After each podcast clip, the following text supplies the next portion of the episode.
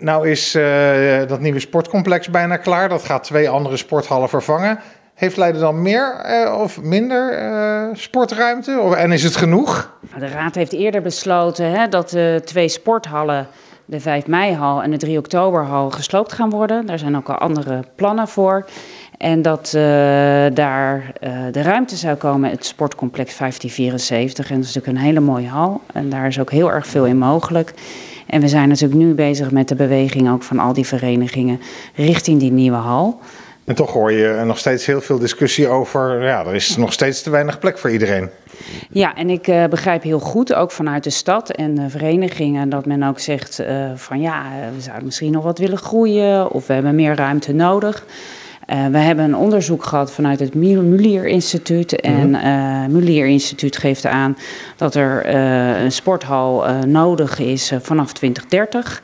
Ik heb nu ook met de commissie, raadscommissie besproken, omdat ik ook merk in de stad dat daar steeds ook discussie is van hebben we dan tot 2030 voldoende om in ieder geval ook een actualisatie te doen voor wat betreft het onderzoek wat destijds is verricht. Wij zijn trouwens ook met het bezig. Daarin zullen we ook goed kijken naar de, naar de behoeften.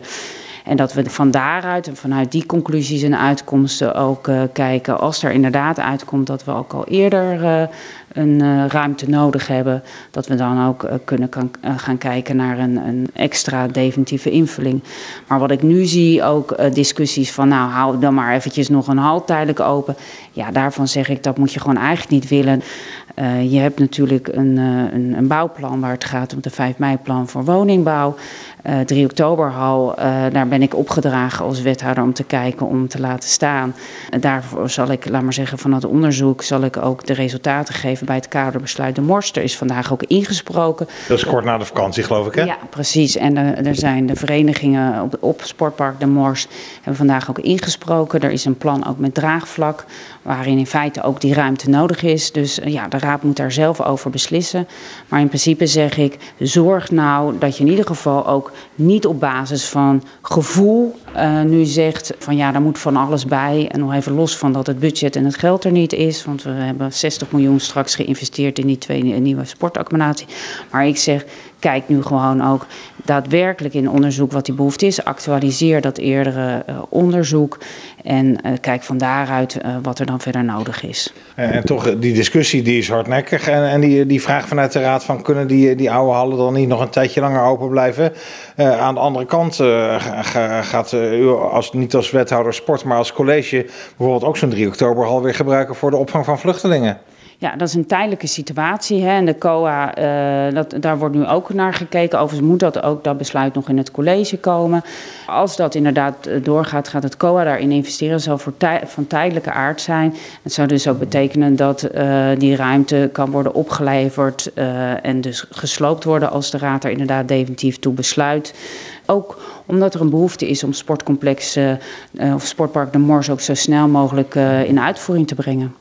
Ja, want u noemde al, die kwamen ook inspreken vanavond. Een aantal van die clubs. Ik geloof dat het Sporting Leiden, Dokos en Diok waren die in ieder geval op de tribune zaten. Die hebben elkaar helemaal gevonden omdat ze allemaal extra ruimte krijgen als die hal weggaat. Precies, en dat is ook een beetje het punt. En dat uh, wordt straks besproken door de Raad als het kaderbesluit door het college is genomen en uh, vervolgens naar de Raad wordt gezonden. Dus dat zal na het reces zijn en uh, dan is het aan de Raad. Maar in ieder geval deze sportverenigingen en sporters zeggen van ja, wij hebben een plan met elkaar met draagvlak. En ik vind dat heel wat waard in deze stad. En, en die ene club die niet tevreden was vanavond, de badmintonclub die niet op maandag in, de nieuwe, in het nieuwe sportcomplex terecht kan. Kunt u voor hen nog iets betekenen?